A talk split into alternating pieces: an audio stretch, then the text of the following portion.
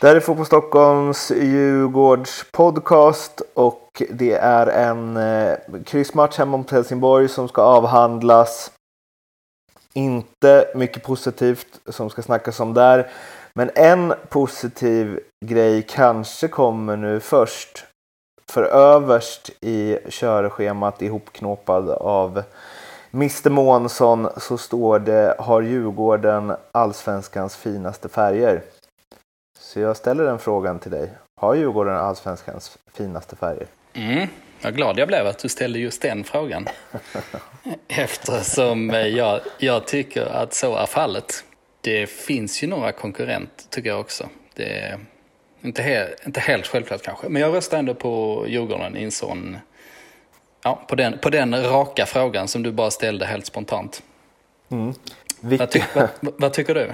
Alltså jag gillar ju vitt och färg. Jag gillar Norrköpings vitt och blått.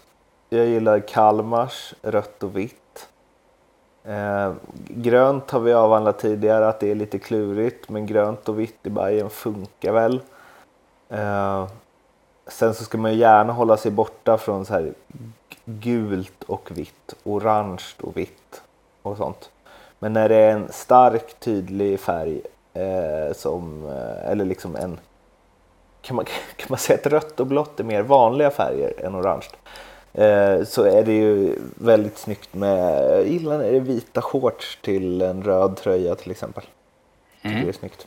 Sen så kan man ju förstöra tröjor med eh, att de ser ut som eh, liksom, tidningspapper mer eh, fyllda med annonser. Det var ju, det finns ju klassiker där, Fornudden i innebandy hade ju lila tröjor. Men det var ja, svårt den... att urskilja för att det var så mycket reklam på. ja men den, jag minns den eh, tröjan faktiskt. Mm. Får man ändå säga att den har gått till historien om, man, om både du och jag minns en eh, innebandytröja. Mm. Så kan, kan inte så dumt det, ändå.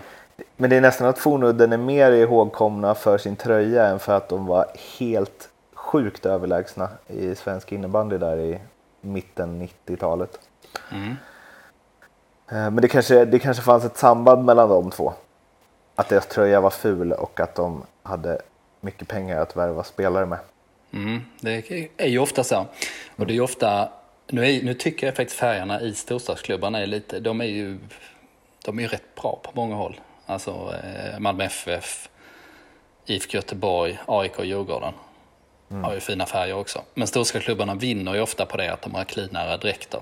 För att de inte behöver smacka på med en massa lokala sponsorer för att få ihop eh, ekonomin. Men eh, nej, Djurgården är etta hos mig där med blåränderna och eh, sen med klubbmärket som också går i gult och rött på det. Det är en eh, grym kombination. Och det leder ju oss in på att ifall du eh, som lyssnar sitter och tänker ja ah, men eh, vi kanske ska uppdatera vårt matchställ i Korpenlaget eller i mina barns lag eller något sånt så har vi ju en sponsor som heter Unisport och som är eh, Sveriges största fotbollsbutik på nätet.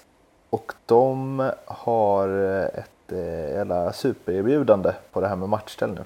Ja, de har det. Vi har ju en tävling som vi kommer till. Mm.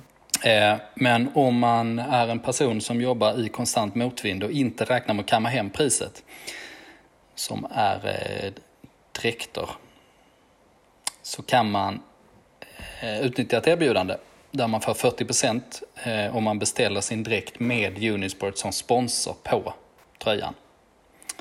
Och eh, det är inte ett så dumt erbjudande och det eh, finns hela tiden. Det är ju nästan eh, nästan halva priset. Så det är ett eh, supererbjudande om man vill uppdatera sitt matchställ. Men om man först vill eh, liksom, jag chansar på att få 100% rabatt så kan man ju gå in på unisport.fotbollstockholm.se och där finns det en tävling just nu där du designar ett matchställ, du väljer färg på tröja, shorts, strumpor och sen så väljer du också om du vill ha Nike, Adidas, Puma eller Joma som eh, tillverkare av dräkten. Och sen så skickar du in det, då är du med i eh, tävlingen där första priset är 13 stycken matchställ med namn och nummer och Unisport som sponsor. Sen så finns det andra tredje pris som är fem stycken eh, matchbollar. Så antingen in och tävla där för att ha chans att vinna eh, matchställ eller så kan du säkra upp genom att eh, köpa ett hos unisportstore.se för 40% rabatt. Eller göra både och. Det väljer man själv. Eh, men vi är i alla fall eh, supertacksamma att vi har Unisport som sponsor till Fotboll Stockholm. Djurgården-Helsingborg som sagt 2-2 och eh, en sak som är återkommande i dessa tider är ju hur publik påverkar, eller avsaknaden av publik påverkar resultat i matcher. Jonas Dahlqvist drog ju en tweet härom sistens där han skrev att eh, förra året så kom ettan till fyran i allsvenska publikligan också etta till fyra i tabellen. I år så ligger de lagen på plats 7, 8, 10 och 11 när 20 procent av eh, serien är spelad. Det är ju precis som han skrev, inte hela sanningen, men det kanske ligger någonting där. Vad säger du Oskar? Ja du, med tanke på att jag skrev en eh, lång krönika där jag gick igenom statistiken bakom det hela en halvtimme innan Jonas eh, så får man väl säga att eh, ja, det är nog mer, mer än ett sammanträffande. Mm. Uh, så det, var var... Eh, det kanske var så att eh, Jonas läste min krönika först. Om man nu är ja. på Stockholm prenumerant. Mm. Det vet jag inte. Men ja, statistiken är ju anmärkningsvärd. För att man har ju funderat på det där länge. Ehm, typiskt sånt där ämne som vi snackar om när jag jobbar på Offside. Jaha, men varför är det så stor skillnad i fotboll? Ehm, ja, det finns en hemmaplansfaktor i i de flesta sporterna, men fotboll är extra stor. Och varför är det så? Vad är det förutom publik ehm, eh, och eh, det, den eh, motivationen som man ger sina spelare och det trycket man sätter på domarna? Finns det liksom annat? Alltså klimat, vana vid eh, underlaget, re, restid, någon allmän känsla av att vara hemma. Ehm, och nu har vi ju ett ganska stort underlag från Bundesliga som är igång i maj. Och ja, svaret på de där andra frågorna var ju ingenting. Trillade av stolen nu eller? ja. Det var också formuleringen som, som gjorde att jag blev lite förvir förvirrad. Svaret är ingenting. Mm. Uh, ja, det var ju meningen att det skulle ha en retorisk eh, liten punch här, men jag trodde ju inte att den skulle vara så jävla kraftfull. Men, eh... Men det var den. eh, ja, eh, vill du fortsätta prata? ja, nej men eh, i Bundesliga som sagt, nu har man ju rätt stort dataunderlag. Mm. Ehm, och det man ser är ju att hemmaplansfördelen är helt utraderad post-corona. Mm. Tidigare vann hemmalaget 43% av matcherna. Och eh, ja, det kanske vissa tänker, vinner de inte mer? Men det är ju, det finns ju två andra tecken på tipskupongen också. Så mm. eh, 43 är en eh, hög andel såklart. Eh, nu är vi nere på 33% och då är vi nere på en tredjedel. Och, eh, för ut, och det ja, som sagt, nu har vi ganska stort underlag. De här siffrorna var det Grace Note som hade tagit fram analysföretag som New York Times hade gått igenom och sen som jag snodde till en krönika. Men det är inte bara det att man har ett tillräckligt stort underlag för att kunna dra rätt bra slutsatser. Det är väl inte tillräckligt stort för att ha svaret med stora bokstäver, men eh, vi närmar oss någonting i vart fall. Eh, och man kunde se att eh, hemmalagens målsnitt föll från 1,74 till 1,43 de hemmalagen tog 10 färre skott och skotten som togs kom från sämre lägen. Eh, hörnor, dribblingar, inlägg, allting minskade för hemmalaget. Så eh, ja, det är jävligt intressant. Jag hade inte sett det här framför mig. Jag är överraskad över de här slutsatserna. Jag trodde att eh, självklart att att hemmafördelen skulle minska, men jag trodde inte den skulle försvinna. För du tänkte att sådana saker som att slippa resa och känna sig hemma och sånt skulle spela in? Ja, absolut. Nu, nu är vi ju inte framme i Sverige för att kunna dra slutsatser, men man kan konstatera att hittills i Allsvenskan är fler bortavinster än hemmavinster. Men i Sverige tror jag ändå att det finns en, en faktor som man kan man säga över tid med tanke på att här skiljer sig underlagen så pass mycket. Ehm, och eh, ja, det, det, vet vi ju också statistiskt eh, att eh, konstgräslagen har problem på naturgräs och, och vice versa i, om, om man generaliserar. Hammarby är det bästa exemplet som är oslagbara i stort sett på, på hemmaplan. Ehm, och som har eh, ett ganska bra bortafacit på konstgräs också men som är eh, värdelösa verkligen på naturgräs. För eh, en grej med det här att resor och sånt borde påverka. Det borde väl egentligen påverka mer i större ligor i större länder än vad det borde göra i allsvenskan.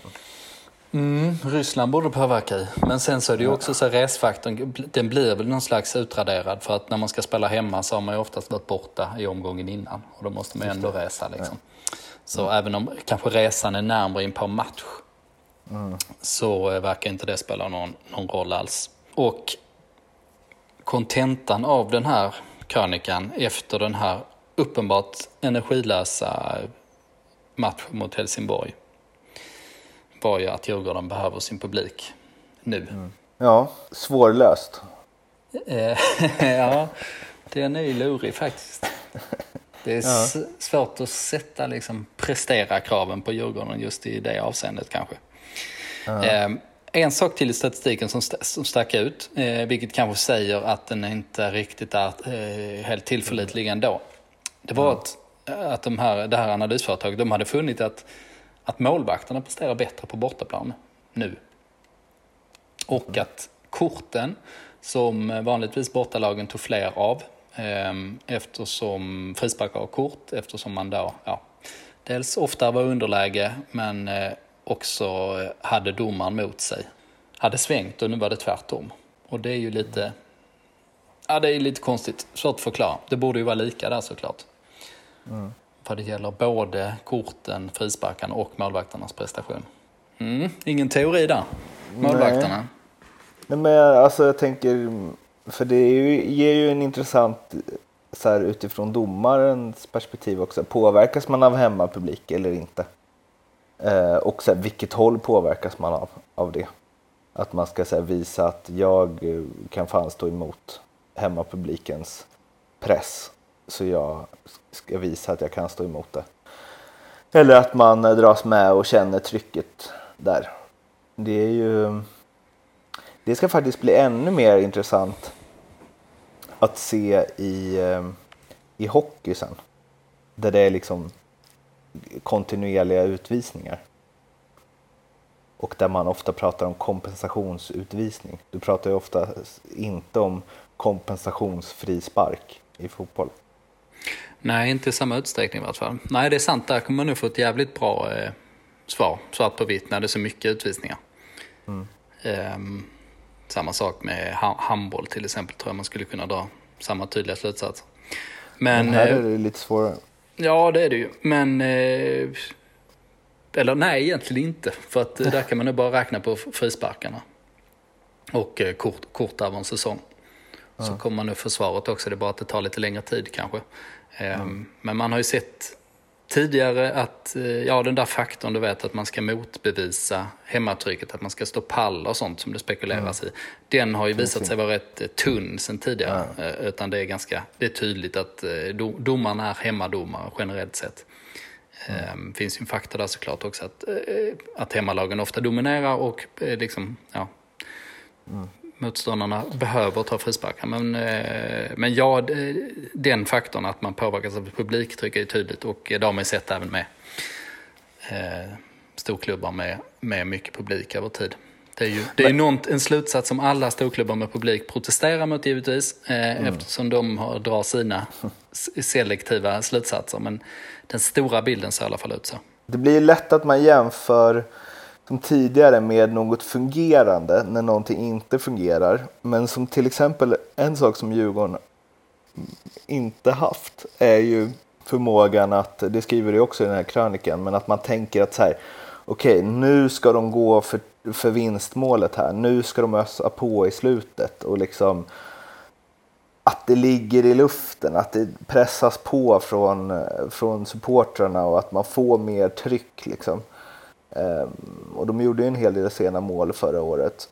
Eh, alltså på ett sätt kan man ju säga att det saknas eftersom det blir lätt att gå dit eftersom Djurgården har ju inte det. De har ju liksom inte lyckats med någon forcering i någon av matcherna egentligen. Och å andra sidan inte i sina bortamatcher heller. Att de har liksom, ja men när de skulle försöka hämta ifatt mot Norrköping där i slutet så slängde de ju bara bort det. Det blev liksom aldrig ens spännande. Ehm, och återigen då, Norrköping som fungerar jättebra. Mot Blåvitt var de eh, ja, de var väl helt okej okay liksom. Men ja, det var väl en kryssmatch eh, ett tag i alla fall. Och när Blåvitt eh, gjorde sin kvittering var ju de närmre egentligen. Men Norrköping bara tutar ju på. Alltså de bara fortsätter skapa chanser på chanser på chanser. Och de har ju ingen publik heller eh, som liksom eh, hjälper till med forceringen. Så det jag vill komma till är väl så här, kan man gömma sig bakom det att vi har ingen, även visst den här statistiken och så, men vi har ingen publik som hjälper oss med det. Men hade Djurgården varit inne i ett flow där allt bara rullat på och där saker och ting sitter, då for, alltså det är väl det som är någonstans här framgångsrika lag, att de bara fortsätter att spela på samma sätt. Att oavsett vad som även om motståndarna gör 1-0 eller 2-0 eller om man leder med 1-0 eller 2-0, att man liksom bara pumpar på för man har en sån övertygelse i det man gör. Alltså jag hade kunnat se Djurgården i en annan verklighet, att de visst hade kunnat bara ösa på sista kvarten utan publik på läktarna. Förstår du vad jag vill komma? Ja, tror det. Att det, det finns eh, två, två sätt för dem att trycka på. Att nå dit, ja exakt. Och De kan nå nu... dit utan ett, ett eh, fullt Tele2. Ja, nej jag tror, jag tror också det. Ehm, men eh, ja, precis. Nej, det är väl psykologin gånger två här. Mm. Men om man tar det första alternativet där och alltså, säger att det ser ut så här. Man får två billiga mål i början. Mm. Får skulle jag nästan säga. Um, och får man det hemma mot jumbon. Som inte, som inte gjort ett enda mål. Nej. Men då, då måste man ju vinna säkert. Allt mm. annat är ju underkänt. Och ja, då förmådde man ju inte till det här. Alltså, man bara spelar för dåligt helt enkelt. Det är för mycket som inte funkar. Anfallsspelet är för impotent. Men ja, jag hade absolut kunnat se, mig fram, se framför mig att man bara, att publiken hade eldat igång laget på slutet och det blivit den här psykologiska effekten att okej, okay, ja, men alla vet ju att nu är det dags för Djurgården att trycka på. Nu ska mm. de tvinga fram hörnor och så ska hela Sofia-läktaren stå upp liksom och bara vråla allt vad de kan och eh, det blir jobbigt för Helsingborg och press på domaren och, och allt det där. Det hade man absolut kunnat se framför sig. Så hade det varit i fjol om man gjort en eh, platsmatch på våren. Då gjorde man kanske nästan inte, eller knappt några sådana insatser. Men eh, 2019-versionen hade ju Danielsson knoppat in 3-2 i 88. Mm. Även om det sett ut så här i långa stycken. Ja, och det grundar sig väl i någon form av övertygelse och självförtroende och vi löser det här känsla. Ja, men där är jag mer inne på att, eh, att eh, det bara är ett eh, taktiskt problem och kapacitetsproblem just nu. Jag är inte inne på att det är liksom ett psykologiskt problem i grunden. Jag säger bara att... Nej, men jag menar att förra året så satt ju taktiken och allt det där. Men då, och vilket gör att de var framgångsrika. Så de matcher som de, de hade lite kämpiga, kämpigare, de få, då tror jag att hela laget hade en så här, vi löser det här, det är lugnt. Och då löser det sig också. Definitivt. Och Djurgården hade ju vad nu, 13-1 tror jag det var på de sista halvtimmarna i fjol. Ehm, som, ja, det är ju svaret. Där har vi svaret med stora bokstäver i vart fall, vad det gäller statistik. Men apropå det som inte funkar, jag har ju tittat på ännu mer intressant statistik här. Jag sa avslutningsvis bara det du sa om att eh, hemmalaget har eh, färre skott och eh, också från sämre lägen. Läste en rolig tweet om det som i och för sig var från en hockeysporter men det är ju lika applicerbart på fotboll. Men som skrev nu när matcherna ska spelas utan publik, hur ska då spelarna veta när de ska skjuta? Just det. Vilket ju är... eh, det är härligt att vi har statistik på att det är faktiskt... Eh, supporterna har bättre koll på när skotten ska tas. Nej, jag tycker, jag tycker han är helt snett på det här. Varför då? Eh, han- 100% fel har ju den här killen. Fatt- Fattar jag, att- fattar jag att det var ett skämt såklart, men eh, Ja. supportrarna skriker ju alltid skjut i fel läge. Eh, ja, men statistiken visar ju att de tar skott vid sämre lägen utan publik än med publik. Ja, visserligen. Men, det, men det, jag tänker att det har lite andra förklaringsmodeller. Att man, Ja, ja. Att man tvingas till det. Eh, för att eh, det kollektiva skjut är ju Ja. eh, eh, oftast det dummaste rådet. Ja. Det är ju liksom folk med tre öl innanför västen som Men om det. Liksom. man vill bevisa det med statistik, att det är rätt råd, så har man ett guldläge nu. Ja, det har man. Absolut. I en eh, SVT-debatt hade man ju tagit, plockat hem en knockout-seger på det, på det sambandet. Eh, Men eh, mer statistik som sagt. 12 som vi ju kikar på eh, som eh, har massa statistik eh, om allsvenska eh, matcher och spelare som vi använt oss av frekvent. Visar ju att allsvenskans bästa spelare är ingen mindre än Fredrik Ulvestad. Ja. Etta enligt eh, 12 som är min favorittjänst vad det gäller statistik. Ehm, de, eh, ja, de sammanfattar spelarprestationer helt enkelt med sina algoritmer och det är ju en eh, tjänst som har använts av många storklubbar i Europa.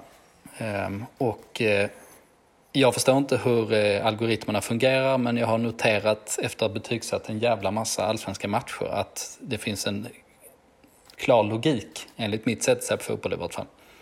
Och det tycker jag inte man får från de andra tjänsterna. De andra jämförbara statistiktjänsterna.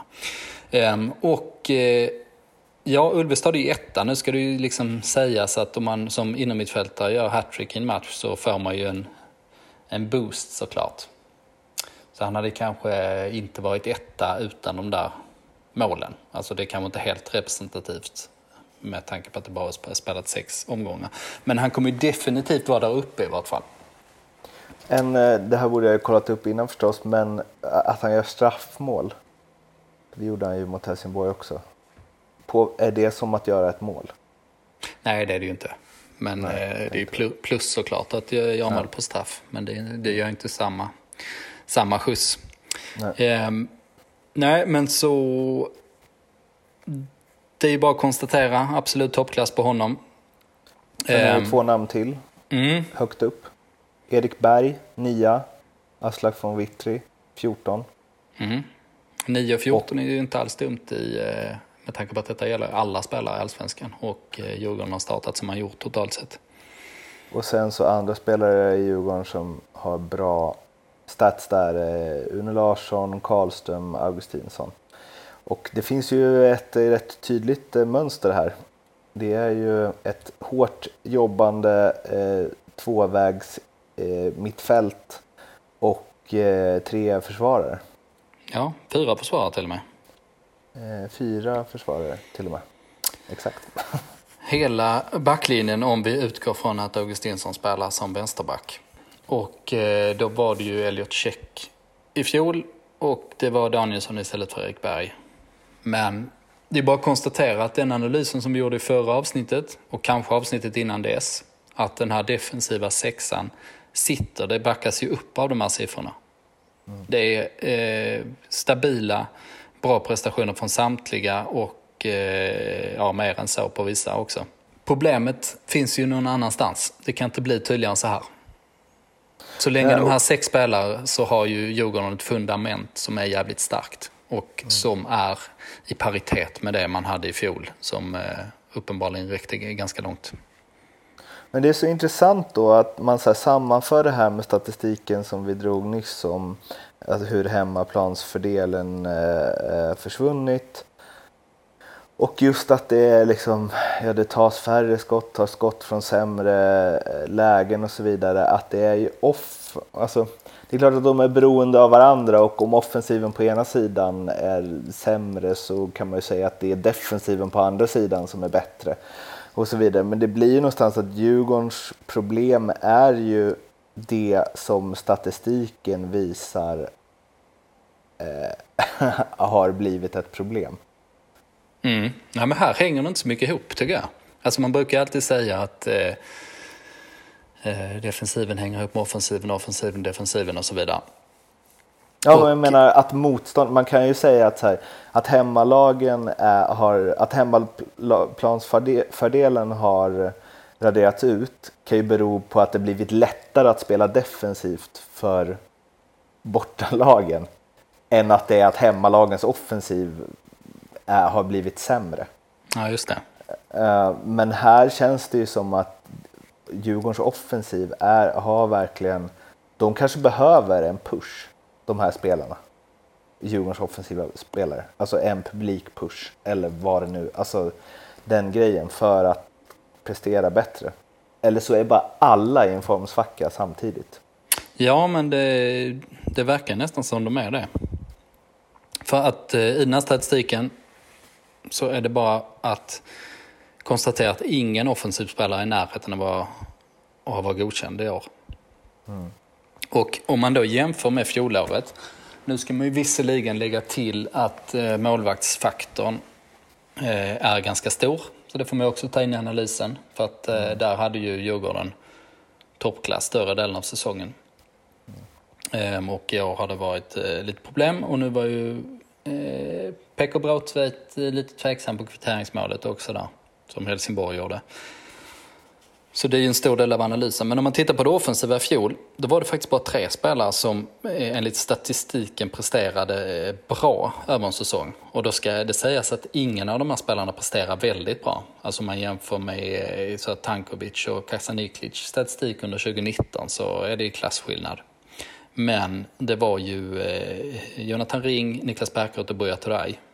Och kännetecknande för dem var att det pendlade mycket. De hade liksom inga konstant höga nivåer, men de hade eh, ganska många höga nivåer helt enkelt. Och slutsatsen av det då, i och med att det är så lätt att jämföra med i fjol, eh, eller så lätt att jämföra med 2019 och 2020, det är att Djurgården behöver inte särskilt mycket för att det ska gå bra. Alltså de behöver inga offensiva spelare som är dominanta i match efter match. Utan de behöver eh, kanske två stycken som presterar bra samtidigt. I perioder. Och det hade i så fall räckt ganska långt. Alltså lite stabilitet på målvaktssidan och eh, goda prestationer av dem där framme. Så hade det hänt saker. Sen har vi en faktor också, men den har vi ju tjatat till förbannelse. Men eh, djupledsspelet Eh, mm. Den är jobbig, alltså med, det verkar som Chili skada också kommer att vara ett efterhängsen. Eh, men eh, det är som sagt, den, den faktorn kan vi lämna därhän just den här gången kanske. Men det, men det du sa där att det behövs inte så mycket.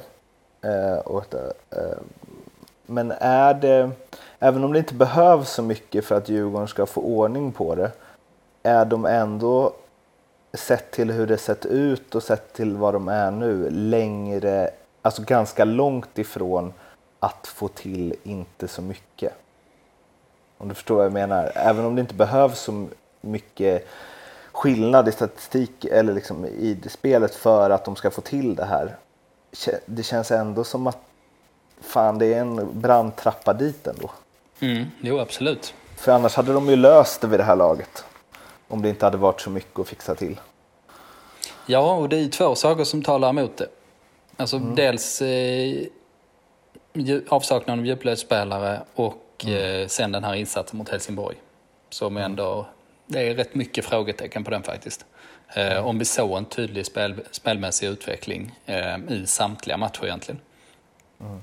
Fram till omgång sex, där vi bara fick ett stort frågetecken. För det var ju liksom, ja men nu har de fått vila, jag tror det var fyra dagar och eh, man har en vila efter också. Så den, den faktorn var inte så mycket att ta på. Så, och fick en drömstart. Ja, verkligen. Så ja, det sätter stora frågetecken. Sen så är det ju så, alltså enskilda plattmatcher kommer ju då och då. Så möjligtvis att det bara var en sån i så fall. Men eh, ja, nej, det in... den där känslan av att snart kommer det, eller att man är säker på att det lossnar, som vi ändå haft fram till den här matchen, har ju eh, mattats av något. Har vi någon mer statistikgrejer? Jag glömde säga en sak, som, apropå statistik man inte kan förklara. Eh, mm. När jag jobbade på Offside så tittade jag på straffsparkar. Ehm, då fanns det ju givetvis en forskare som hade gått ner sig i det och forskat ett antal år på hur man slår bra straffar och hur man ska agera som målvakt. I mål? Alla straffar som går i mål är bra? Ja, han kom fram till det till sist alltså. Ja, okay. ja. In med bollen var det som, som var nyckeln till... Det var det som var hemligheten. Ja. Han före, norsk forskare var det, föreläste land och rike runt med denna insikt. Stänk in den bara. ja, vad kom han fram till? Nej, men där fanns... Eh, det, det, var ju komplext som fan, som man kan ana när man tittar på ett så enkelt ämne. Men en mm. sak som fastnade hos mig, som var så jävla mm. märklig, det var att målvakter som hade röda tröjor räddade betydligt fler straffar. Alltså en, ty, jo, en tydlig statistisk, eh, statistisk samband mellan röda tröjor på målvakten och eh, straffar som är, inte går i mål. Men alltså. Det, det måste ju vara att här, de bästa straffmålvakterna har spelat i rött. Alltså så här, att de var det innan de tog på sig den röda tröjan. Mm. Nej, men eh, det, var ett, det var ett stort dataunderlag uh. på det här. Um, och jag har ju tänkt sen dess att ja, men varför, alla målvakter måste ju spela röda tröjor. Ja, verkligen. Och sen vad det berodde på då, det var ju bara liksom, ja men då blev det spekulationer igen såklart. Alltså det här att rött är liksom stoppljus eller att rött är liksom känslosamt allmänt, liksom varningssignal eller något sånt där liksom. Och, mm. och att eh, det stressade straffskyttarna. Men eh, ja, så var det i vart fall. Källa, källa Geir, Geir Jordet, eh, norsk forskare vid något universitet. Verkligen. Eh, oh, vad jag gillar sånt här. Mm. Alltså, jag hade velat ha en färglista också. Vilken färg som är sämst att ha på en målvaktströja om man ska göra en straff till exempel. Ja, jag ska se om jag kan ta fram det här eh, igen. Mm. Ska jag lägga ut det på, på Twitter kan jag, för den som vill fördjupa sig i detta. Ja. Men eh, Djurgården har ju varit rätt på det där då med röd målvaktströja ganska ofta. Mm. Eh, ja, ljus i mörkret så att säga. Vi har ju konstaterat nu om och om, om igen att Djurgårdens offensiv inte funkar och att de offensiva spelarna är ur form. En offensiv spelare som vi pratat om som borde vara någonting för Djurgården och Eh, Kim och Tolle är ju Vecchia i Sirius som ju, eh, eh ja, eh, Kim och Tolle har en bakgrund eh, med och eh, som spelar ett spel som skulle passa väldigt bra in i Djurgården. Och så i veckan så nåddes jag av lite uppgifter om att Djurgården är väldigt sugna på vecka. Du kollade vidare lite på det, eller vi kollade vidare lite på det. Kom väl ingen jättevart i det. Inte skriva artikel om att Djurgården vill ha vecka långt i alla fall. Men det låter väl inte helt orimligt att det skulle kunna ligga någonting i det här. Nej, det känns ju snarare totalt logiskt.